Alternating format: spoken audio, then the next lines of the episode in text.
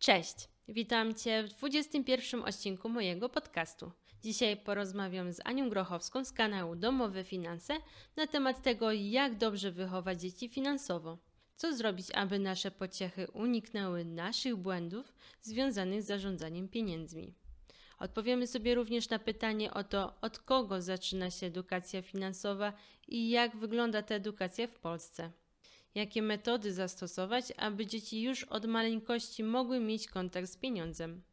Przy okazji będzie mi bardzo miło, jeśli zasubskrybujesz mój kanał i podzielisz się swoimi refleksjami na poruszane dzisiaj tematy. Pozdrawiam. Cześć Aniu. Cześć, cześć, dziękuję za zaproszenie ponownie. Ja się cieszę, że ponownie do mnie wróciłaś.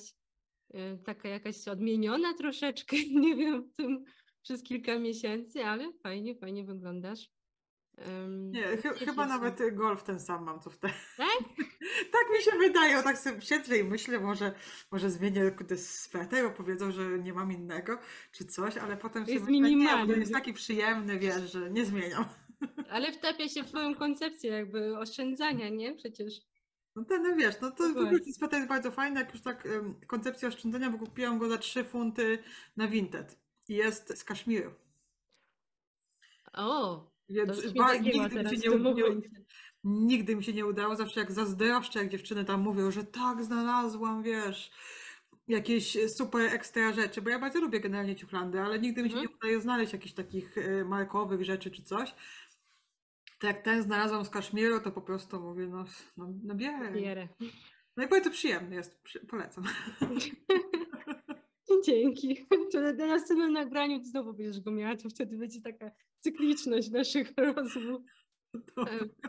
A spotkałyśmy się dzisiaj tutaj, żeby porozmawiać na temat e, edukacji finansowej dzieci, bo właśnie jak przed e, na wstępem, e, przed nagraniem mm, zaczęłyśmy o tym rozmawiać, że właśnie moim zdaniem i poruszymy ten temat na pewno w internecie, w kuluarach, właśnie mm. tych nawet finansowych, gdzieś nawet tych bardzo dużych kont, które mm, edukują na temat finansów, nie ma tematu edukacji finansowej dzieci. Gdzieś tam może pomiędzy e, jest to wplatane, ale żeby tak konkretnie co robić, żeby te dzieci nauczyć, to ja przynajmniej nie zauważyłam, a bardzo dużo słucham na ten temat. Z racji tego, że posiadasz dzieci, zajmujesz się tym e, tematem, to jak ty to widzisz e, właśnie w swoim środowisku, bo jesteś w tym najbliżej jakby w tym momencie?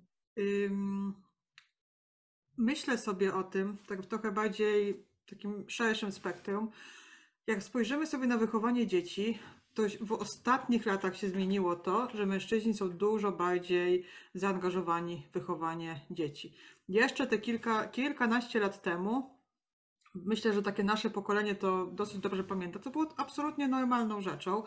E, było tak, że tym wychowaniem dzieci zajmowała się jednak kobieta. I jeżeli kobieta nie miała wiedzy finansowej, to skąd ona miała ją przekazywać y, dzieciom? Bo tej wiedzy po prostu nie było. W domach się nie rozmawiało o finansach, u mnie się nie rozmawiało o finansach, gdzieś tam słyszałam moich rodziców rozmawiających, ale tak, żeby nas edukowali fizycznie, to ani mnie, ani żadnej mojej koleżanki, nikogo, z, z kim o tym y, rozmawiam, nikogo nikt tak fizycznie nie edukował o finansach. I dzisiaj ten świat finansowy też jest dosyć mocno podzielony, bo mężczyźni mówią o takich finansach bardzo mocno skomplikowanych. E, to są już takie bardzo mocne inwestycje, to są już takie naprawdę takie ruchy ludzi, którzy siedzą w tym bardzo, bardzo głęboko. Kiedy ja mówię do kobiet, to bardzo często, no mój kanał też tak się nazywa, domowe finanse, to ja mówię o tych takich finansach, takich naszych codziennych, podstawowych, które są bez których zadbania o nie nie możemy zadbać o nic, o nic innego, no bo ta praca musi wykonać się u podstaw. I kobiety wykonują taką największą pracę również w domu. Nie tylko dbamy o nasze finanse domowe, ale też dbamy o dobrostan naszej rodziny bardzo, bardzo często. Dlatego też mężczyźni, być może, to jest tylko moje przypuszczenie, są zaangażowani w swoją pracę tak bardzo, tak bardzo dużo mówią o tych takich bardzo wysokich, e, wysokich finansach, takich bardzo rozwiniętych, że na takie te finanse domowe, takie dziecięce właściwie, już im nie starcza po prostu czasu. Nie pomyślą nawet o tym, że być może jest to, jest to ważny temat. To jest tylko moja dywagacja. Myślę sobie, że być może, być może tak jest.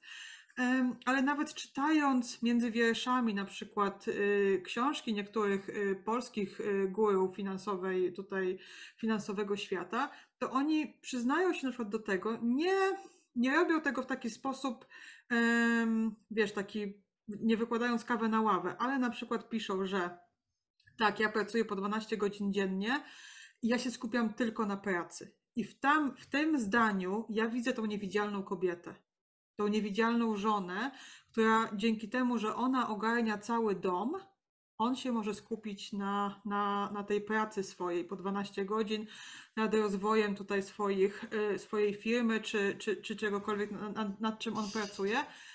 Więc jeżeli on jest tak skupiony na pracy, to dla mnie logicznym jest również to, że, na tej, że tą, tą część wychowania, tą, ten grom części wychowania również bierze na siebie wtedy kobieta. A świetne jest to, że podjęłaś ten temat, bo nawet patrząc z perspektywy mojego wychowania, e, czy moich kuzynów gdzieś tam, no to ten temat pieniędzy, raczej się z tatem nawet nie rozmawiało o pieniądzach, nie? Albo dał te pieniądze, albo ich nie dał. No jak nie dał, no to nie było potem dalej dyskusji, tak? A czy, a czy ja mam jaskinię pieniędzy, ja to w domu? Tak, dokładnie, dokładnie. Mm, I właśnie super, że mówisz o tym, że to na tą kobietę też y, no, tak patrząc z perspektywy mojej mamy, czy moich babci, cioci, e, no to jak one nie miały tej edukacji, no to właśnie w jaki sposób miały nauczyć te dzieci i wiadomo, że te dzieci potem powielały te same błędy rodziców. Ja ze swojej perspektywy nawet, jak sobie pomyślę, ile ja pieniędzy prostu tak przetraciłam, bo, bo to trzeba, tamto trzeba, wcale nie trzeba. Nie trzeba. No. Ile musiałam tych pieniędzy wytracić, żeby tak naprawdę zacząć się zastanawiać, jak właśnie nimi zarządzać. Um, ale od ciebie właśnie już wspomniałaś o tym, ale um, tak naprawdę od czego zaczyna się ta edukacja dzieci? Edukacja zaczyna się od rodzica. Bo mhm. tak jak powiedziałaś wcześniej, jak rodzic nie ma wiedzy finansowej, to dziecko jej też nie będzie miało. I to, to dziecko się wyedukuje, czy nam się to będzie podobało, czy nie, bo dziecko będzie modelowało i będzie chłonęło to, jak o finansach my myślimy, y, jak my rozmawiamy, jak my wydajemy pieniądze, bo dziecko nabiera tych swoich przekonań o pieniądzach, przekonań o sobie w stosunku do pieniędzy już w bardzo wczesnym dzieciństwie, poprzez obserwację, poprzez taką osmozę, czyli to przebywanie, mm, przebywanie w swoim środowisku. I potem to dziecko też bierze te wszystkie informacje z dobrodziejstwem inwentarza. Ono nie ma w sobie na tyle świadomości yy, i ma w sobie takie to dziecięce zaufanie, że ono po prostu uważa, że świat wygląda tak, jak wygląda w mojej bańce rodzinnej. Dopiero potem, kiedy on z niej wychodzi, ono z niego wychodzi z tej bańki rodzinnej, zaczyna zauważyć, że świat wygląda trochę inaczej że trochę inaczej wydają pieniądze moi rówieśnicy, trochę inaczej wydają pieniądze moi, yy, moi na przykład rodzice moich kolegów, yy, trochę innymi samochodami jeżdżą niż ja. Być może w moim domu pieniądze przychodzą z łatwością i na przykład są zawsze, a być może w domu mojego kolegi na przykład się okazuje, że tam pieniędzy nie ma i na przykład jest bieda. Albo być może, nie wiem, wiesz, yy, są na przykład pieniądze i nagle pojawia się jakiś dziwny pan, yy, który po prostu jest komornikiem czy cokolwiek. Bardzo, bardzo dużo, yy, dużo różnych rzeczy możemy wchłonąć jako dzieci i potem naszym zadaniem jako dorosłego jest oddzielić to ziarno od plew. Czyli co jest moje, a co nie jest moje. Co jest mojej mamy, babci, prababci, a co jest, z czym ja się zgadzam, a czego już nie chcę brać. Bo w ten sposób się właśnie rodzą przekonania o pieniądzach, które na szczęście możemy zmienić bo na to, jak my myślimy o pieniądzach, ma wpływ szereg czynników. Niektóre z nich są możliwe do zmiany, niektóre możemy tylko i wyłącznie zaakceptować, zoptymalizować, ale ich de facto tego podłoża nie zmienimy. A właśnie, bo no też ten temat, że właśnie mamy wpływ albo mamy taki pośredni wpływ na to, co wynieśliśmy z domu, a jak na przykład jest z lękami na temat pieniędzy, bo e, okej, okay, takie dziecko właśnie, która obserwuje rodziców na przykład przy kasie w markecie i widzi ich po prostu, jak widzą tą kwotę, która jest e, wyświetlona na ekranie i widzą ten jakby zespół emocji, który się wzbudza. Aplikacje, wie? Tak, tak, który zapłaci, kto nie zapłaci. za 50 zł.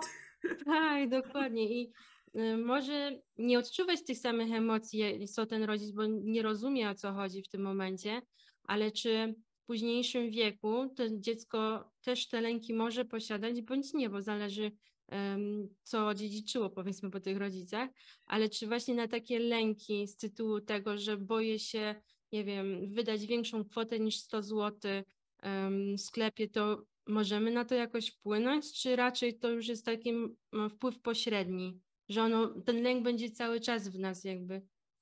To zależy od tego, jaką mamy osobowość, mhm. E, bądź są takie osobowości, które są po prostu od urodzenia genetycznie wysokolękowe. Po prostu. Ja tak mam. Ja na przykład jestem taką osobowością. Mam w sobie dosyć dużo takiego ym, naturalnego, że tak powiem, lęku i naturalną taką też dużą potrzebę, y, potrzebę kontroli. Więc to, co ja na przykład mogę w, swoi, w swoim zakresie zrobić, to po prostu ćwiczyć mój dobrostan mentalny. To znaczy ćwiczyć to, jak ja się mogę po prostu uspokajać, wyciszać, kiedy ja sobie coś wymyślam, a kiedy to jest prawda. Y, nad tym wszystkim można pracować. Czasami y, Czasami to musi być z pomocą specjalisty. Można też bardzo dużo rzeczy sobie zrobić samemu, takimi prostymi, prostymi sposobami, jak na przykład y, trzy takie najważniejsze rzeczy to są po prostu dieta, sen y, i ruch. Trzy rzeczy, które nam y, sprawią, że będziemy bardzo długo sprawni mentalnie, tak? Bo ja prywatnie pracuję, pracuję z, w pielęgniarstwie geriatrycznym, więc, więc dla mnie to jest taki trochę mój konik.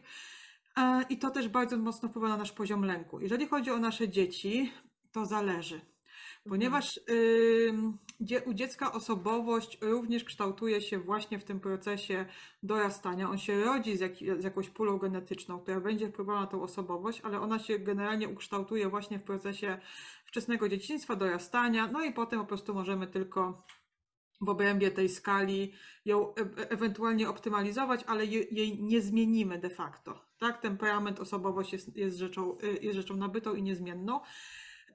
I tutaj możemy oczywiście z dzieckiem rozmawiać, ale też z dzieckiem rozmawiać, ale też do, to musi być dopasowane do konkretnej sytuacji, e, do wieku dziecka i też musimy mieć taką, czasami do niektórych sytuacji na przykład trzeba wrócić po jakimś czasie, e, po jakimś czasie, ale znowu im większa jest nasza samoświadomość, tym więcej możemy właśnie z dziećmi rozmawiać. Jeżeli chodzi o takie na przykład y, rzeczy w sklepie, że jesteśmy w sklepie, dziecko tutaj widzi, że rodzic ma palpitację przy kasie, może mu na przykład powiedzieć, że no słuchaj, jesteśmy teraz w takiej sytuacji, że poprzez, y, jeżeli dziecko jest starsze, może to zrozumieć. Poprzez sytuację na świecie są takie momenty, że idziesz do kasy i nagle się okazuje, że produkty, które kupowałeś wcześniej, są dużo, dużo, dużo droższe. I to oczywiście wywołuje niepokój jest naturalną, naturalną reakcją, y, reakcją organizmu. Więc tu nie warto też robić tak, że po prostu robimy dobrą minę do złej gry, bo dziecko czuje. Mhm. Czuje, ale z dzieckiem też można rozmawiać. Można na przykład powiedzieć, że słuchaj, no na przykład dzisiaj nie kupimy tej czekolady, ale chodź, kupimy składniki, bo ja mam w domu składniki, zrobimy jakieś domowe babeczki. Możemy dać coś w zamian, pokazać też, że yy, pieniądze można tutaj można wykorzystać w taki sposób, a można też zrobić coś w domu przyjemnego w zamian. Więc to wszystko zależy konkretnie od sytuacji, od wieku dziecka i również od sytuacji, y, sytuacji w jakiej są rodzice. No bo też inaczej jest, kiedy na przykład dziecko doświadcza, no nie wiem, y, rodziców na przykład, którzy są w spirali długów i na przykład doświadcza y, takiej traumy bezdomności wiesz, że po prostu przychodzi komornik, no i niestety, no są takie sytuacje, tak, że po prostu ludzi nie jest stać na spłatę kredytów, czy, czy cokolwiek? I wtedy po prostu, no to są już bardzo duże traumy finansowe. Właśnie wspomniałaś tutaj o rozmowach odnoszę wrażenie, że często też mówi się właśnie, żeby rozmawiać z dziećmi, ale też nie mamy pojęcia, jak z nimi rozmawiać. I zazwyczaj to jest takie sztuczne, to tak na przykład rozmawianie e, z dzieckiem o tym, skąd się biorą dzieci, nie? Czyli stawiasz to dziecko sobie na fotelu i mu tam zaczynasz tłumaczyć, to dziecko jest skrępowane, bo nie wie o co chodzi i tak naprawdę nic z tego nie ma. Ja usłyszałam kiedyś taką, to był jakiś psycholog, oglądałem jakiś program, właśnie o takich trudnych rozmowach, jak rozmawiać z dziećmi o takich trudnych rzeczach. I, ta, I, ten psycholog powiedział coś takiego, że rozmawiasz, nie ty przychodzisz do dziecka z rozmową, tylko ty czekasz, aż dziecko przyjdzie do ciebie. Mhm. Kiedy dziecko jest gotowe na to i zaczyna cię pytać, to wtedy ty odpowiadasz na tyle, na ile to dziecko chce rozmawiać z tobą. Więc na przykład u nas w domu dzieciaki się pytają, czasami na przykład mówią do mnie, o mamo, tam rzadko to się zdarza, ale chodź pojadę z tobą do sklepu na przykład. No i jesteśmy w tym sklepie i na przykład oni się interesują tym i tak rozmawiamy i oni tak widzą tak po mnie, że tutaj patrzę, coś przeglądam, porównuję te ceny i ja wtedy też taką to mówię do niego, słuchaj, chcesz pokazać ci, jak się powinno na przykład po czym poznać dobre jabłka w sklepie, albo pokazać ci na przykład po czym poznać dobre awokado? No tak, jestem ciekawy, pokaż mi, na przykład mój syn mówi, bo on lubi takie, wiesz, takie rzeczy, że mu pokazywać różne, różne takie ciekawostki. No to mu pokazuje, no i wtedy na przykład mówię do niego, no to idź, wybierz jakieś jogurty. No on do mnie mówi, no mamo, ale tam na przykład, no ten jest drogi jogurt, tam mówi na przykład do mnie tak bardzo często. Ja mówię, nie, zobacz tutaj na tą cenę za kilogram i zobacz na ten jogurt, który ty chciałeś wziąć. Który jest tańszy? No ten droższy jest niby tutaj tańszy, wychodzi mi na to, tak? I one, wiesz, no i tak potem sobie właśnie o tym rozmawiamy i tak mu tłumaczę, że mówię, słuchaj, w moim przekonaniu cena nie zawsze jest naj, naj, najważniejsza, bo czasami po prostu kupisz coś taniego, a potem tego nie zjesz, bo jest na przykład niedobre. Są takie produkty, które po prostu my kupujemy droższe, są takie, gdzie, gdzie marka nie ma dla nas znaczenia. Rozmawiamy bardzo często o kredytach na przykład, o takiej odroczonej gratyfikacji. Dzieciaki mają kieszonkowe. Tych metod edukacji jest bardzo, bardzo dużo, tylko edukować się muszą najpierw rodzice. Tak mi przyszło na myśl, czy na pewno jest wiele takich mm, rodzin, gdzie na przykład z tym dzieckiem w ogóle się nie rozmawiało wcześniej, a wychodząc właśnie z tą radą tego psychologa, no to zakładamy, że to dziecko do nas przyjdzie. Jeżeli ono przechodziło wiele razy nie otrzymywało tej odpowiedzi, to właśnie co zrobić w takiej sytuacji, że nagle, no nagle chcemy zmienić tą jednak sytuację, żeby z tym dzieckiem się komunikować. To jakie miałabyś rady dla takich e, rodziców? Wiesz co, może dziecko nie przyjdzie tak bezpośrednio na przykład, że, że o słuchaj, no mamo, tato, dojrzałam, pięciolatka przychodzi, porozmawiajmy o tych obligacjach. No takie rzeczy dorosła, tak?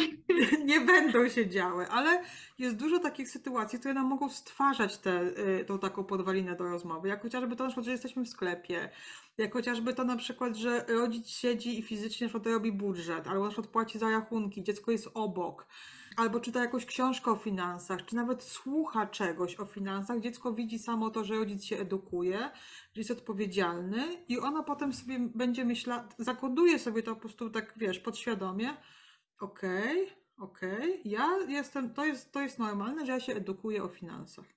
Mhm. To jest normalne, że ja słucham podcastów. To jest normalne, że moja mama robiła budżet, na przykład, tak? I są takie rzeczy, które my wynosimy z domu podświadomie, podświadomie po prostu chłonąc je gdzieś tam, yy, gdzieś tam po prostu przez, przez osmozę, no, przez przebywanie w tym środowisku. A jakie Twoim zdaniem są najlepsze metody, żeby uczyć dziecko gospodarowania już pieniędzmi, które posiada? Czy na przykład to, żeby mm, dawać temu dziecku kieszonkowe jest y, czymś dobrym? Bo są też, opinie są na ten temat podzielone. Jedni uważają, że warto dać dziecku kieszonkowe, a drugie, że ono powinno samo zapracować na pieniądze jakiekolwiek. Jakie jest Twoje odczucie w tym temacie? Ja sobie myślę, że dzieci moje jeszcze do pracy się zdążą napracować. I wiesz, patrząc się na to wszystko, co się dzisiaj dzieje, to jak one pójdą do pracy, mając, ja wiem, 16, tutaj ja mieszkam w Szkocji, także tak pi razy oko 16 lat yy, i będą potem pracowały do no, 67 roku życia, załóżmy na ten moment, to one jeszcze mhm. będą miały czas na to, żeby się napracować. I oczywiście to każdy będzie to musiał na to spojrzeć ze swojej perspektywy, ale moim zdaniem rolą rodzica jest to, żeby dziecku dać również prawo do popełniania błędów i do nauki na tych błędach. I kieszonkowe jest rewelacyjnym, rewelacyjnym źródłem takiej nauki, tylko Problem jest taki, że wiele rodziców, wielu rodziców daje kieszonkowe i wiesz, tak daje i tak jak czasami są takie memy, że tak dają i ty, tymi pieniędzmi nie chcą się, wiesz, rozstać, nie? I są kontrolować te dzieci, wiesz. Ja ci daję, ale ty możesz wydać tylko na to, na to i na to. Nie na chipsy, jak... na pewno nie na chipsy, tylko na zdrowe no, rzeczy. Tylko na zdrowe rzeczy. Albo na przykład ja ci daję, no i to są kieszonkowe, to są dla ciebie na przykład, żebyś sobie kupił spodnie. Hmm. No i ty sobie tych spodni nie kupisz, wydasz na co innego i ja się wkurzam, że ty wydałeś moje pieniądze, wiesz, i potem taka litania jest. Więc jak dajemy te kieszonkowe, to wtedy musimy sobie uświadomić dwie rzeczy. Jak daję kieszonkowe, to już nie są moje pieniądze, tylko to są pieniądze mojego dziecka. moje dziecko może wydać te pieniądze na co mu się podoba. Tak? Oczywiście nie mówię tutaj jakichś, wiesz, tak, nie wiem, jakichś tam dziwnych rzeczach typu alkohol czy coś. No, no jesteśmy, yy, myślimy o takich no, normalnych zakupach, tak? Yy, moje dziecko ma prawo wydać pieniądze na co mu się podoba, ma prawo zrobić z nimi co mu się podoba. Ja nie mam prawa się wtrącać niepytana. Mhm. Mam prawo do tego, żeby, jeżeli mnie zapyta, wyrazić swoją opinię i doradzić w sposób taki, żeby tego dziecka nie zawstydzać. I mam prawo po prostu go edukować wtedy, kiedy ono do mnie, do mnie przyjdzie. I taki na przykład, ja daję kieszonkowe dzieciom od czterech lat blisko. Y, Co miesiąc, najpierw one były mniejsze, potem moje, moje, moje, moje dochody się zwiększyły, więc też kieszonkowe się zwiększyły. Powiedziałam im kiedyś, więc czekają, aż zarobię pierwszy milion, więc wtedy im się jeszcze zwiększy, nie? Jakoś na razie się nie zanosi, ale nadzieję mają. Nadzieja umiera ostatnio, jak to mówią. Tak. I słuchaj, było faktycznie tak. Moja najmłodsza córka dostała, zaczęła dostawać kieszonkowe, kiedy miała 5 lat. I Mhm. były na przykład takie momenty, że ona były takie bardzo modne, chyba to się już trochę skończyło, nazywało się to Robloxy. I kupowało się jakieś tam, nie pytaj mnie, ja po prostu wiem, że takie rzeczy są, bo, bo mam małe dzieci w domu, znaczy już większe, ale, ale było tak. I tam się kupowało jakieś tam pierdoły w tych Robloxach, coś tam oni za to mogli się wymieniać, tam bla bla bla. I ona, słuchaj, dostała te swoje kieszonkowe i w ciągu 30 sekund przez złą decyzję, bo y, kliknęła nie to, co chciała, straciła całe kieszonkowe. To jest produkt wirtualny. Kupujesz, wykorzystujesz, dziękuję, arrivederci, Roma kasy nie ma. Siedzi młoda, słuchaj, płacze. Mamo, daj mi znowu. Ja mówię, no Iza. Kliknęłaś? Kliknęłam. Wydałaś pieniądze? Wydałam. Nie jesteś zadowolona? No nie jestem. Mówię do niej, jest mi bardzo przykro, że taka cię rzecz spotkała. Mówię, masz prawo być, yy, wiesz, płakać jak chcesz się wypłakać, mami na ramię jest tutaj. I faktycznie popłakała sobie, wiesz, chwilę. To dziecko miało 5 lat, słuchaj. Yy, Popłakała sobie chwilę i mówię do niej, 5 czy 6 miała lat, ona była taka mała jeszcze, nie? I mówię do niej wtedy, no wydałaś, musisz poczekać miesiąc i dostaniesz kolejne kieszonkowe. Wiesz, nie była z tego powodu jakoś szczęśliwa, ale od tamtej pory to się nie powtórzyło. Zwracała na uwagę na to, co Ona robi. zwraca na to uwagę. Miała taki okres naturalny dla takiego małego dziecka, bo też musimy być świadomi rozwoju dzieci, że takie małe dziecko, ono nie ma takiego dobrego myślenia skutkowo, przy- przyczynowego, skutkowe, przyczynowo-skutkowego i nie ma dobrego rozeznania w czasie, tak? Także dla niej za tydzień i jutro to było to samo. Więc, yy, więc tak samo było z pieniędzmi. Czy to było 5 czy 10 zł, to dla niej to była ta sama kwota. Czy 1000 czy 5000, wiesz. I ona po prostu, wiesz, nauczyła się. I na przykład bardzo długo wydawała w ciągu godziny od kieszonkowego wszystko było, wiesz, wydane. Było na przykład kilka miesięcy temu tak, że ona nie poprosiła, żebym jej dała yy, w gotówce kieszonkowe. Ja mówię, dobra, to ci dam. Zgubiła połowę swojego kieszonkowego. Mówię, no, no sorry, no poszłaś, zgubiłaś.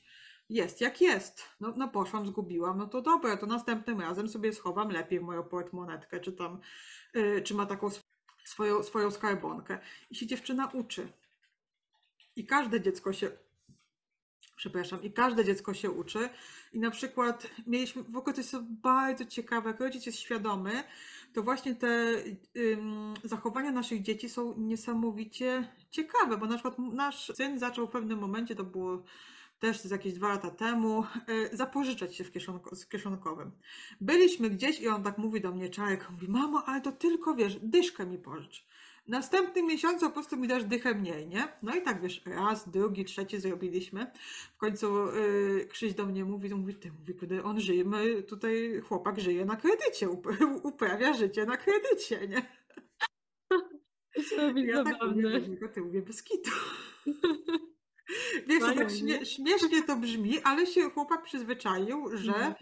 Faktycznie takie uprawia życie na kredycie. Skończyliśmy to, wytłumaczyłam mu, że słuchaj, nie będzie tak, bo to cię uczy złych nawyków, wiesz, nie ma czegoś takiego, że jak normalny człowiek, jak dostaje wypłatę, to mają na cały miesiąc w większości prac, y, masz na cały miesiąc i masz sobie z tym radzić, tak? Dokładnie. Ja nie będę ciebie uczyła tego, że normalnym jest to, że tobie nie starcza i ty musisz sobie pożyczać i takie błędne koło, y, koło wpadniesz i faktycznie on sobie, wiesz, on sobie zbiera czasami jakieś pieniądze, czasami od siostry wychachmęci, że ona mu coś kupi, bo ta starsza to ona po prostu jest ciułaczem takim, że ona ma najwięcej kasy w całej chacie, wiesz, bo ona nie ma potrzeb.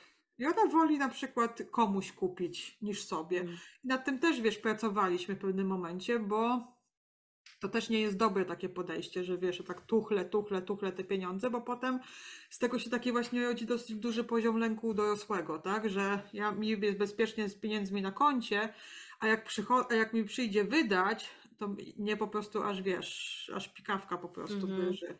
Tak, Żyłka znam z autopsji. No. Ale właśnie mam pytanie do ciebie o takie rodziny, gdzie jest naprawdę bardzo kiepska sytuacja e, finansowa i te dzieci no już w bardzo młodym wieku starają się tym rodzicom pomóc. Mhm. Więc same zarabiają na to, żeby na przykład kupić sobie książki do szkoły, czy kosmetyki, nie wiem, nawet podpaski, e, no bo wie, że od rodziców tego nie dostanie. Czy uważasz to za coś pozytywnego bardziej, czy negatywnego, że te dzieci się jednak uczą em, zarządzania tymi pieniędzmi, czy bardziej to jest na poziomie bardzo dużego lęku i traumy? to może. ym, nie chcę się wypowiadać jak psycholog, bo nim nie jestem. Mhm. Ale jak ty to widzisz? Czy to jest. em, Może nie musi. Mhm. Bo to jest też tak, wiesz, że dzisiejsze te badania mówią o traumie, że kiedyś się mówiło o tym, że traumy powodują jakieś takie bardzo mocne y, zdarzenia z wczesnego dzieciństwa. Dzisiaj mówi się o tym, że traumę można nabyć już jako człowiek też dorosły, że można mieć względnie normalne dzieciństwo, jako człowiek dorosły nabyć traumę i to nie musi być wcale sytuacja zagrażająca Twojemu życiu. Można nabyć też traumę finansową. Może być taka sytuacja, że takie dziecko potem będzie sobie na przykład rekompensowało te braki w dzieciństwie takim nadmiernym wydawaniem. Albo może być tak również, że będzie miało w sobie bardzo duży poziom lęku, bo tych pieniędzy nie było i kiedy ono te pieniądze w końcu ma, to się po prostu boi, że ich zabraknie. I to jest tutaj praca z psychoterapeutą, praca z terapeutą, praca z mentorem finansowym również. Można pracować wtedy z dwoma specjalistami, z mentorem finansowym i na przykład z psychoterapeutą, no bo mentor nie jest psychologiem zazwyczaj. Tak? Więc wiadomo, że nie będzie wchodził w jakieś takie leczenie traumy i, i takie aspekty psychologiczne, no bo to jest po prostu, wiesz, yy, przeciwko jakimkolwiek kodeksom postępowania człowieka, tak? Ale to można, można, sto, można, to, y, można to wyleczyć, można, można to po prostu prze, przerobić na swoją, na swoją korzyść też, bo to mogą być zachowania, które mogą potem być dysfunkcyjne w, w dorosłym życiu. A czy sama zauważysz to, że dorośli to są. Raczej my, my jako dorośli często się śmiejemy z zachowań dzieci, nie? że na przykład dziecko zgubiło pieniądze, czy że miało zapłacić za wycieczkę, a tak naprawdę poszło sobie do sklepu i nakupowało nie wiadomo ile tam paluszków i lidzaków za to. E, I dla nas to jest albo właśnie druzgocące, jakieś tam nieprzyjemne, e, śmiejemy się z tych dzieci, a ja osobiście, nawet w środowisku, w którym pracuję, właśnie wspomniałaś o tym em, takim życiu na kredyt, tak jak ten twój syn robił, e, że zapożyczał się, a ja widzę po ludziach, którzy mają 50-60 lat i to samo robią ze swoim pracodawcą, czyli że mimo tego, że dostają co tydzień, bo w budownictwie no to często się to wydarza, że co tydzień ktoś dostaje pieniądze i on dostaje te pieniądze co tydzień i jeszcze chce więcej i że, że dobra, z następnego miesiąca mi zabierzesz te pieniądze. I potem się okazuje, że w kolejnym miesiącu on nie ma co wziąć. Nie ma, wszystko wziął. Tak, już wszystko wziął i tak naprawdę nie przepracował jeszcze tego miesiąca, już nie ma pieniędzy. E, I to wtedy już nie jest takie aż zabawne, tylko aż smutne, nie? że Co to jest smutne? To jest odpowiedzialność człowieka, żeby coś zrobić. Wiesz, jest tak, że my żyjemy dzisiaj w takich czasach, kiedy mamy ogromny dostęp do informacji. Ja na swoim kanale YouTube dzisiaj opublikowałam wideo numer chyba 173. 173 filmy o budżecie domowym. mamy ogromny dostęp do informacji i tak naprawdę to jest taką. Grunt jest taki, czy nas to aż tak boli. Bo bardzo często jest tak, niestety, sama jestem tego przykładem, także tutaj wiesz, y, nie będę się wybierać, ale jest tak, że my musimy dojść do ściany, odbić się od tej ściany, ale po prostu walić dalej głową w mur. I do nas potem należy decyzja, co my będziemy robić. I też takie, bardzo często ludzie się boją sobie zadać pytanie y, tego, co będzie, jeżeli ja nic nie zmienię. Tak? Mhm. Czyli co będzie, jeżeli ja nadal będę chodził do szefa po, tą, po te zaliczki moje, tak? Co będzie, jeżeli ja tego nie zmienię? Jak będzie wyglądała moja sytuacja finansowa za rok, czy nawet za dwa miesiące? Bo ja podejrzewam, że te zaliczki są po to, żeby jakoś tam na bieżąco spłacać jakieś inne zobowiązania, y, zobowiązania finansowe. I tu jest edukacja, edukacja, edukacja. No i niestety, ale 30% Polek, bo taki jest bardzo fajny raport o, o finansach Polek, 30% Polek w ogóle nie ma podstawowej edukacji o finansach. I to, uwaga, nie jest zależne od naszego poziomu edukacji i wykształcenia. No właśnie, bo często mamy takie mniemanie w głowie, że e, Że tylko patola to jest tak, Tak, że tylko za pato- przeproszeniem, bo to też nie jest takie... Tak, tak, tak. No ale, Y, Ale taka bieda, bieda z nędzą, Mhm. to tam oni nie mają edukacji finansowej, to jest nieprawda. Ed- Pieniądze nie mają znaczenia. Można naprawdę mieć y, bardzo wysoki, wysoko płatny zawód, zarabiać niesamowite pieniądze, a być pod kreską co miesiąc i żyć na kredycie. A można mieć niskopłatny zawód i mieć 100 tysięcy na koncie oszczędnościowym. I słyszałam takie historie, gdzie y, moja znajoma już pracowała w banku, było to lata temu, y, i mówiła do mnie, do nas, y, tam siedziałyśmy gdzieś tam na kawce czy cokolwiek, że przychodzą do, do niej nagminnie, bo tam wtedy jakieś były takie wysoko procentowane lokaty, babcie z reklamówkami, jakimiś tam Tesco czy Biedronki, wypełnionymi pieniędzmi. Dosłownie. Ona mówi do mnie wtedy, słuchaj, tam było ze 100 tysięcy w takiej reklamówce. Idzie ci taka, wiesz, babinka, nikt jej tam nie zaczepia. Kto będzie ci podejrzewał, że ona, ona niesie 100 tysięcy, wiesz, w reklamówce Biedronki? No idealne po prostu, idealna kryjówka. Nikt nawet się nie zaczepi takiej, takiej babinki. Myśli, że tam sobie niesie jakieś bułki z chlebem. I ta ci przychodzi, spod materaca wyciągnęła 100 tysięcy i na lokatę wpłać. I to nie są historie jakieś takie odosobnione, bo jest bardzo dużo, bardzo dużo takich ludzi, którzy właśnie coś z niczego ukręcą. Teraz mi przyszedł taki temat tego pomagania dzieciom. E, Myślę, że bardzo kultywowane w naszym kraju. Takie, pomyślałam sobie o tych osobach, które pasożytują na rodzicach na przykład. Czy, ale ci rodzice, nie wiem, przez własną niewygodę tym dzieciom dają pieniądze, nawet załóżmy, osoba ma 40 lat, a dostaje od swojej mamy pieniądze na to, żeby sobie spodnie kupić. No bo jego mama albo jej mama uważa, że y, nie ma się w co ubrać, nie? Albo właśnie dorzucanie się do Tak, to są samochodu. takie skomplikowane, skomplikowane relacje między, wiesz, y, rodzicem a dzieckiem, no bo rodzic się czuje w obowiązku, No a w, ten, a w ten sposób też dziecko, wiesz, przez to, że ten rodzic daje, a dziecko bierze, rodzi się taka, tak moim zdaniem to jest to coś takiego, co po prostu ja tak sobie dywaguję na chłopski rozum.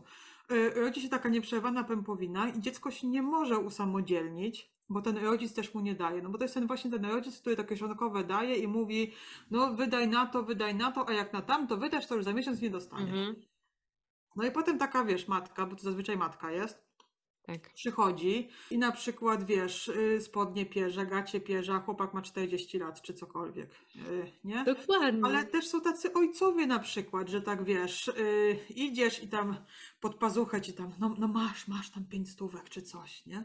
Czasami to jest potrzebne. Są takie sytuacje, że faktycznie te pieniądze od rodziców, kiedy te dzieci na przykład, no bo ci młodzi ludzie też, wiesz, my tak sobie możemy rozmawiać o tym, ale też prawda jest taka, że młodzi ludzie w naszym wieku dzisiaj mają gorzej niż rodzice w naszym wieku, kiedy, kiedy byli. Mają, I mają warto o tym właśnie mówić, bo też bardzo jest coś, y, to nie jest, wiesz, zawsze się staram patrzeć na wszystko w miarę możliwości, tak trochę bardziej w szerokim spektrum, bo tak, no, no tutaj może te spodnie to tak, wiesz, trochę kicha, że ta matka kupuje. Mógłby sobie pójść tam nawet, wiesz, do ciucha można sobie pójść i za grosze kupić te spodnie i masz to takie poczucie odpowiedzialności, sprawczości za siebie, no bo też no trochę takie to jest dziwne, że 40-latek nie może sobie kupić spodnie, no ale, ale różnie bywa e, w życiu. ale są takie sytuacje właśnie, kiedy faktycznie ci rodzice, dzięki temu, że mieli taką sposobność i pomogli, to też ty, tym dzieciom gdzieś tam zapewnili trochę dłuższą płynność finansową, na przykład. Bo to nie zawsze jest tak, że to jest, możesz czasami, czasami po prostu możesz robić wszystko dobrze i być super człowiekiem, zarabiać i w ogóle inwestować, oszczędzać i w ogóle, a życie tak cię po prostu przeciągnie, że no musisz po prostu podjąć tą próbę, podjąć tą pomoc z zewnątrz i jeżeli masz taką możliwość, to super. Ale właśnie chyba też dużo trzeba wspomnieć o tym, żeby chyba rodzice też nie mieli takiego, nie wiem, no wiadomo, że mówi się, że dzieckiem jest się przez całe życie, dopóki się ma rodziców, tak? Ale żeby to chyba też, mm, bo widzę, że to jest wykorzystywane w naszym kraju. No, z autopsji, z tego, co widzę w rodzinie i z tego, co słyszę, że bardzo- takie no. właśnie poczucie jakiegoś takiego chorego czasami obowiązku, że na przykład babcia nie ma jak kupić sobie leki, ale córce ciągle e, daje te pieniądze i córka nie ma skrupułów ku temu, żeby na przykład brać te pieniądze, tak? Wiesz, to już jest problem taki głębszy między babcią a córką, no bo jak Mm. córka widzi, że ta mama potrzebuje na te leki, to te pytanie nie powinno w ogóle paść w pierwszej Tak. instancji, żeby ona jej oddała, no bo to jest, to jest już taki, wiesz, trochę problem, yy, uważam, że głębszy. I to jest jakby chyba klęska wychowawcza, jeżeli em, mówimy o edukacji finansowej dzieci. Tak mi się przynajmniej wydaje, jak ty to widzisz. Może tak być, wiesz. Mhm. y, może być nie tyle na przykład klęska wychowawcza, co może być na przykład tak ogromne poczucie po prostu odpowiedzialności za to dziecko, że tak nigdy mu nie dałem po prostu tak w pełni być dorosłym człowiekiem. Mhm.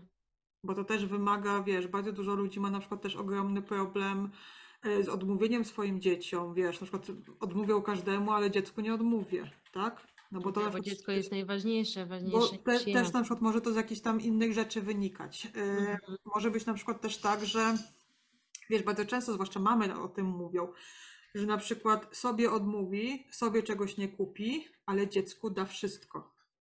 No i właśnie, o tym dawaniu dziecku, dziecku wszystkiego, bo pokolenie moje, czyli twoje, czyli takich trzydziestolatków, posiada te dzieci, z tego co obserwuję, to te dzieci mają przeładowane pokoje zabawkami, Mhm. bajkami, które nigdy nie przeczytały, ciuszków, e, jak się rodzi dziecko, to jest cała masa tego wszystkiego.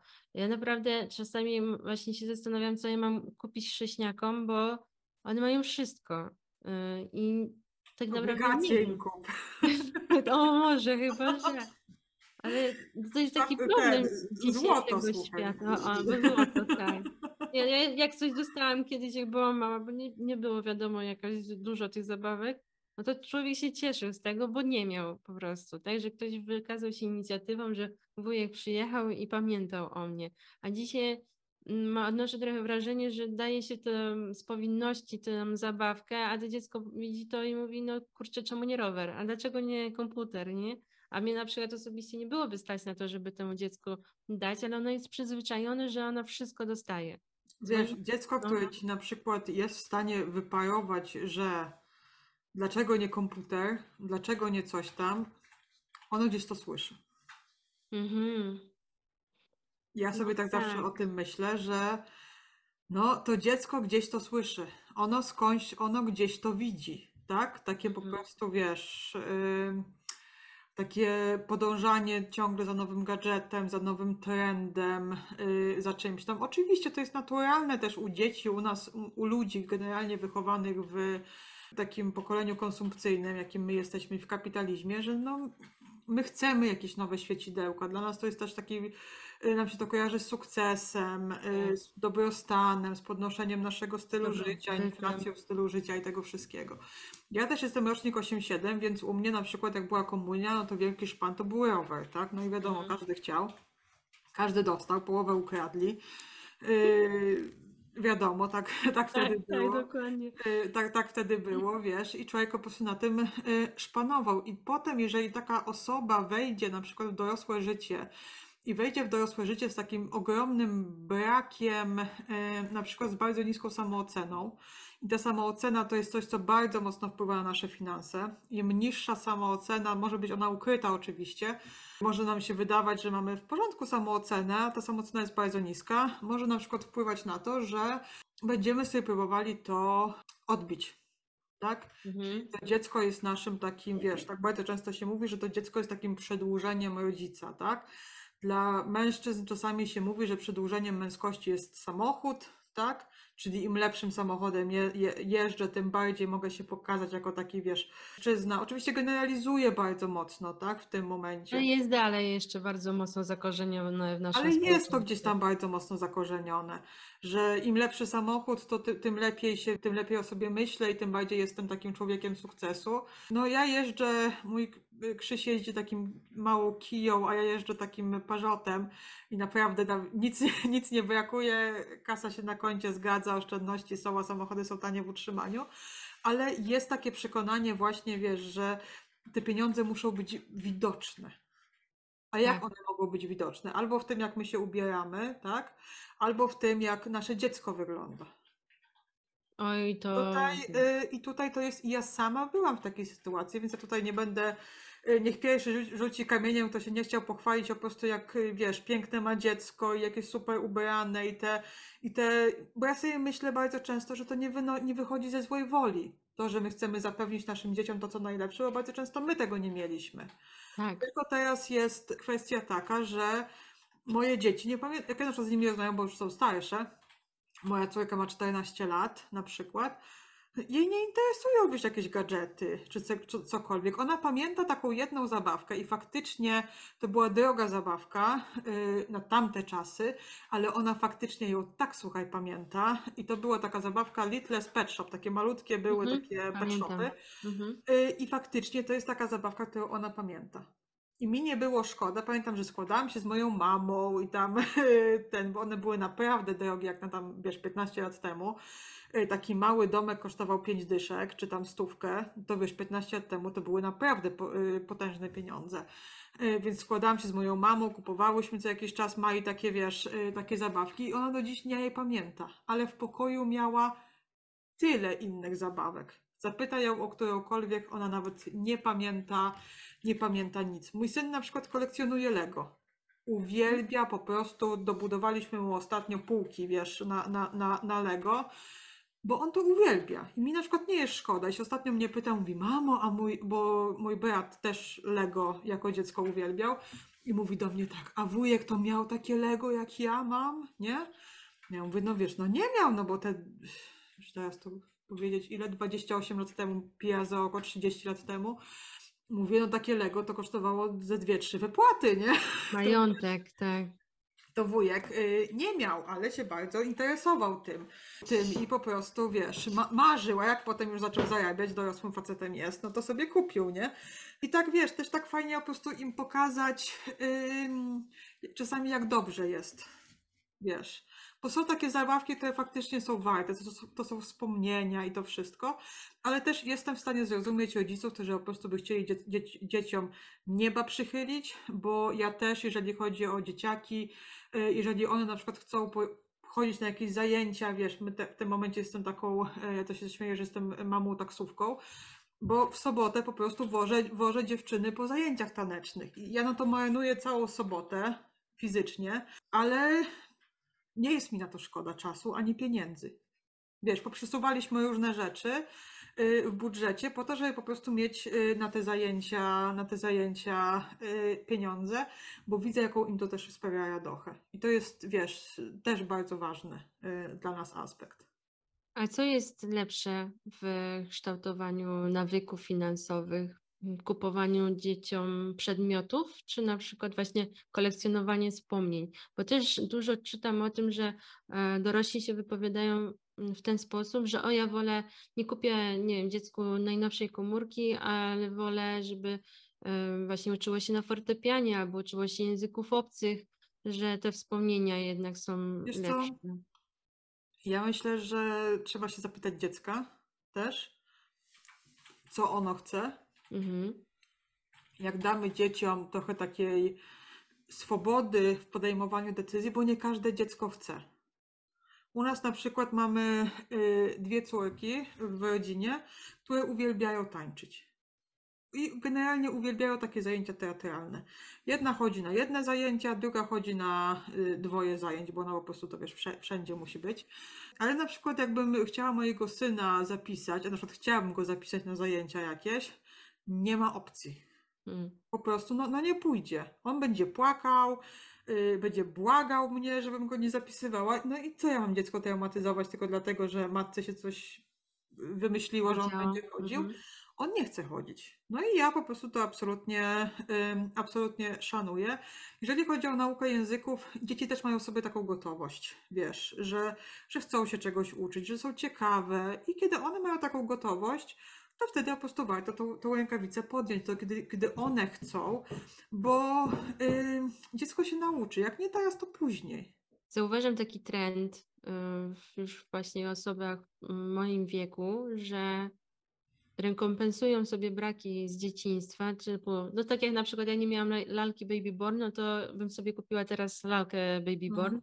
bo nie miałam, ale jest bardzo dużo um, mężczyzn, kobiet, którzy wydają ogromne pieniądze, bo na przykład właśnie w dzieciństwie nie miało Lego albo nie mieli PlayStation, yy, nie mieli gier, więc sobie to kupują, to jakby stoi na tych półkach. No i rodzi się dziecko, mhm. więc na to dziecko też trzeba dużo pieniędzy wydać, no bo to wiadomo jest jakiś wydatek. I to dziecko obserwuje właśnie też takie mechanizmy, że mm, że właśnie mimo tego, że dostaje wszystko, ale jednocześnie rodzice mają te braki, których nie mieli kiedyś i sobie tym też dzieckiem rekompensują, to czy one mogą właśnie mogą w przyszłości się też tak zachowywać jak ci rodzice, że mimo tego, że one miały już wszystko, ale obserwowały tych rodziców, którzy nie mieli i mają ten nadmiar tych rzeczy, to u nich jakieś inne nawyki się wystosują wtedy? Już w dorosłym życiu? Tak, wiesz, chociażby na przykład dziecko, masz na przykład, y, załóżmy jedną jednostkę rodzinną i masz troje dzieci w niej. Rodzone, dzieci się rodzą co kilka lat, tak? Mhm. Każde dziecko, które się rodzi w innej sytuacji finansowej rodziców, będzie inaczej mówiło, w ogóle postrzegało pieniądze na przykład. Widzę u siebie w rodzeństwie nawet. Tak, no bo wiesz, ja widzę to po swoich dzieciach, widzę to po moim rodzeństwie, ja akurat z moim bratem jesteśmy rok między sobą, więc mamy dosyć podobne podejście. Ale na przykład moja siostra jest 11 lat od nas młodsza. Mhm. Urodziła się, kiedy moi rodzice byli już naprawdę w takiej dobrej sytuacji finansowej. Ustabilizowane kariery, ustabilizowany dochód, ustabilizowane miejsce pracy, mieszkanie, wszystko. Wtedy też jako rodzic człowiek jest po prostu spokojniejszy, bo masz trochę mniej rzeczy do, do, do martwienia się, jesteś w takiej trochę bardziej stabilnej sytuacji, jesteś trochę dojrzalsza na przykład, bo jesteś starsza, y, starsza czy cokolwiek. Dziecko, dziecko się nigdy nie będzie chowało w takim, wiesz, idealnym kokonie. Mhm. Y, I te nawyki, one się będą zmieniały, no. My musimy po prostu pozwolić dziecku, dziecku rozkwitać. Znowu powrócę do tego, że to im bardziej świadomy jest rodzic, tym bardziej prawdopodobnie świadome dziecko wychowa. Mhm. Ale tak jak mówię, moje dzieci jeszcze są na tyle młode, że ja nie wiem, jak moje wychowanie zadziała. No, będę tak. mogła o tym powiedzieć za 15 lat, tak? Jak będą już tak koło 30, wtedy będę mogła się tak fizycznie wypowiedzieć, czy moje metody wychowawcze były dobre, czy nie. A ja zauważyłam też taką tendencję, e, nie wiem, czy to właśnie z regionu, z którego pochodzę głównie, że mm, nie wiem, dużo rodziców właśnie te pokolenia starsze od nas, miało zdolność do faworyzowania dziecka. Na przykład było też dzieci sześcioro, siedmioro, ale jedno to było takim promyczkiem, na przykład. E, przypisywali całe gospodarki jednej osobie, a reszta to taka już to nie. Coś tam dostali, ale nie tyle, co, co powinni. Mm. I zastanawiałam się zawsze, zawsze się zastanawiałam, czy to jest dobre podejście, czy nie, bo raczej widziałam e, te zawiście jakieś między tymi, tym rodzeństwem, ale jednocześnie też widziałam, że to była dobra decyzja, przykład, bo ta jedna osoba jak przejmowała całe e, gospodarstwo, te wszystkie pola, no to nie wyprzedała tego, tylko kontynuowała jakby działalność rodziców. mimo że rodzeństwo oczywiście oczy- wiecznie niezadowolone. I pytanie jest, czy to jest dobre czasami, czy właśnie nie? Czy to jest taki dualizm trochę w tym wszystkim? Wiesz co, ja myślę, że żebyśmy nie wiem, co robili jako rodzic, nigdy nie zadowolimy każdego.